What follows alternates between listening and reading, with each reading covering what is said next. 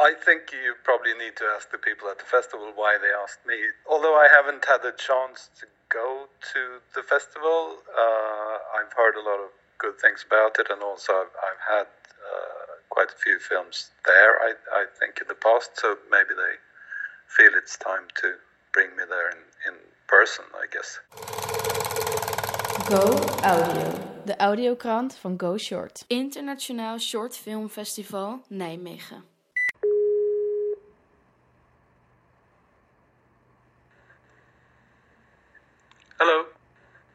Dit jaar is Jonas Adel de grote gast bij Go Short. Hij is een Zweedse muziek, video en filmmaker en oprichter van Film Technarna. Hij werd geboren in 1962 in Stockholm. Hij specialiseert zich in een mix van animatie en live action en maakte een hele hoop toffe dingen, waaronder de korte film Never Like the First Time.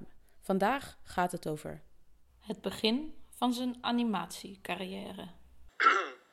I, I, already as a teenager, I got together with, with a group of people that were, that were interested in doing animation, but doing uh, telling stories through the medium of animation that wasn't normally told through that medium.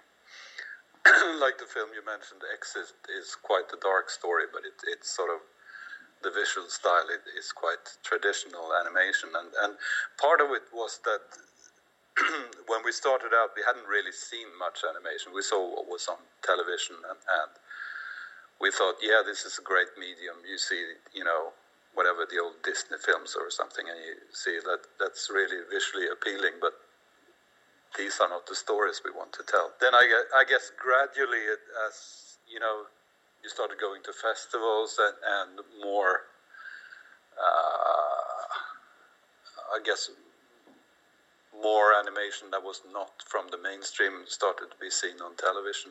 I mean, MTV was quite instrumental in, in showing a lot of people that you know, uh, animation could be some many more uh, styles than just the kind of traditional Disney style or the traditional Eastern European puppet films or whatever we had seen before. So, uh, and and for me, I, it was sort of a revelation seeing that. Okay, uh, hang on a second. I wouldn't go to a museum to look at pictures of Mickey Mouse. So, so for for me, it was more about finding then visual styles that had influenced me, whether it came from art or, or you know, uh, record covers that I had liked as when I was young or whatever.